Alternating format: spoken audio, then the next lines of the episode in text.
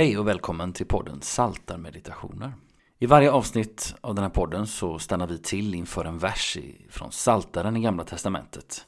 Det blir ett stycke undervisning utifrån den vers som vi stannar till inför och så får vi också lyssna till en stunds stilla musik. Varmt välkommen att lyssna.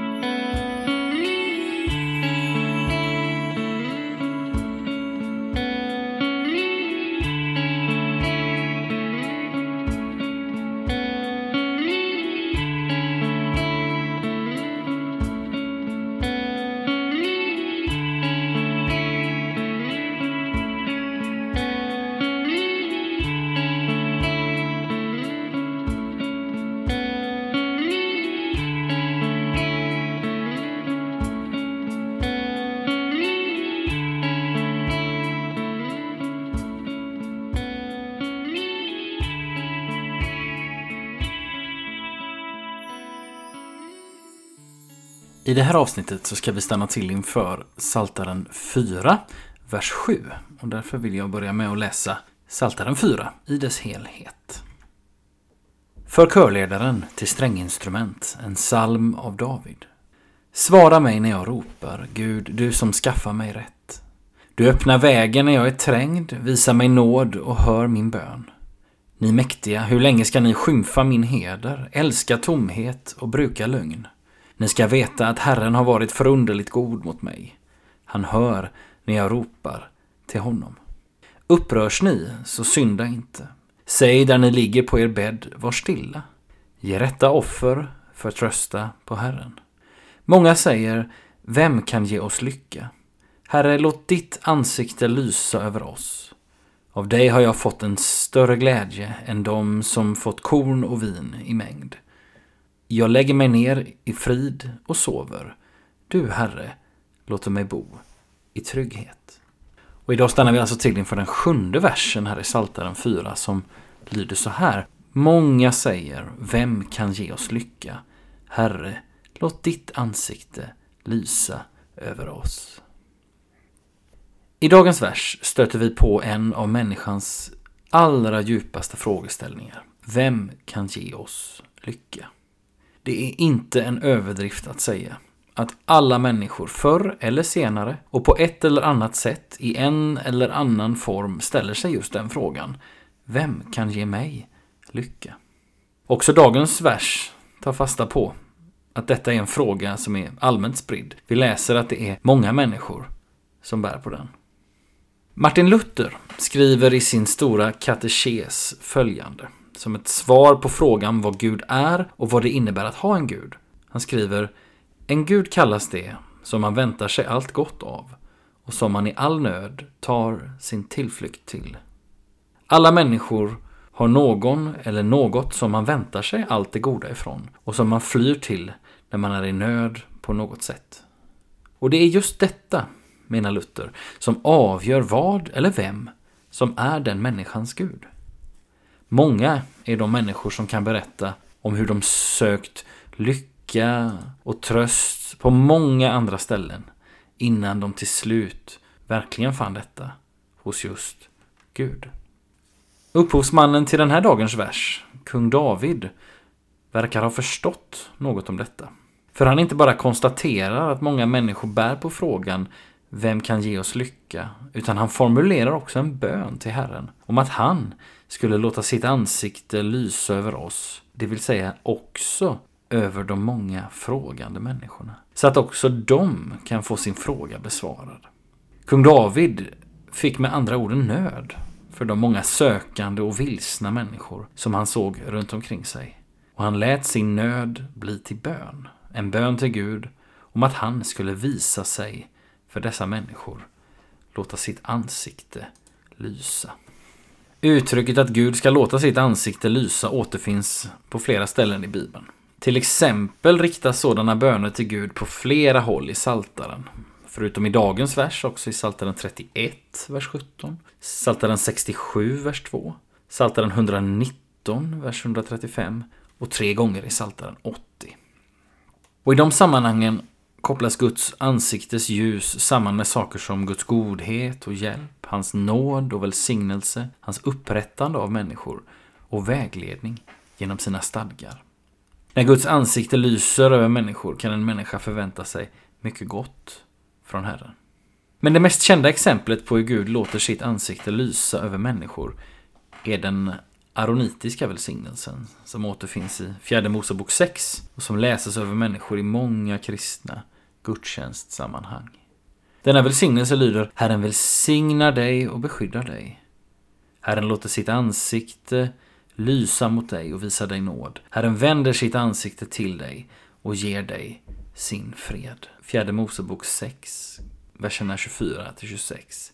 Också i det sammanhanget upptäcker vi att så mycket gott följer med när Herren låter sitt ansikte lysa över oss människor.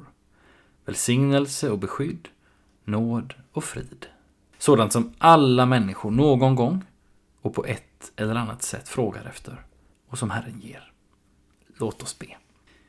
Käre far, du vet bättre än någon annan Att så många människor längtar och törstar efter trygghet och frid. Efter någon att fly till och som ger allt som är gott. Jag ber dig därför, Herre, låt ditt ansikte lysa över oss, över mig och över alla människor. Och så ber jag dig också, ge mig en större nöd för människor omkring mig och låt den nöden få bli till bön, så som den blev för David. Det ber jag i Jesu namn. Amen.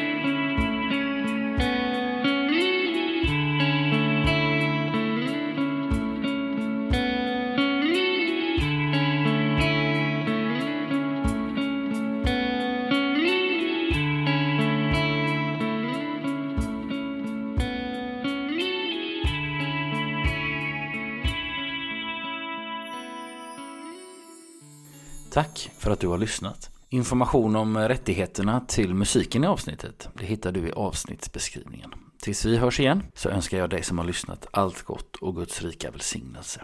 Hej då!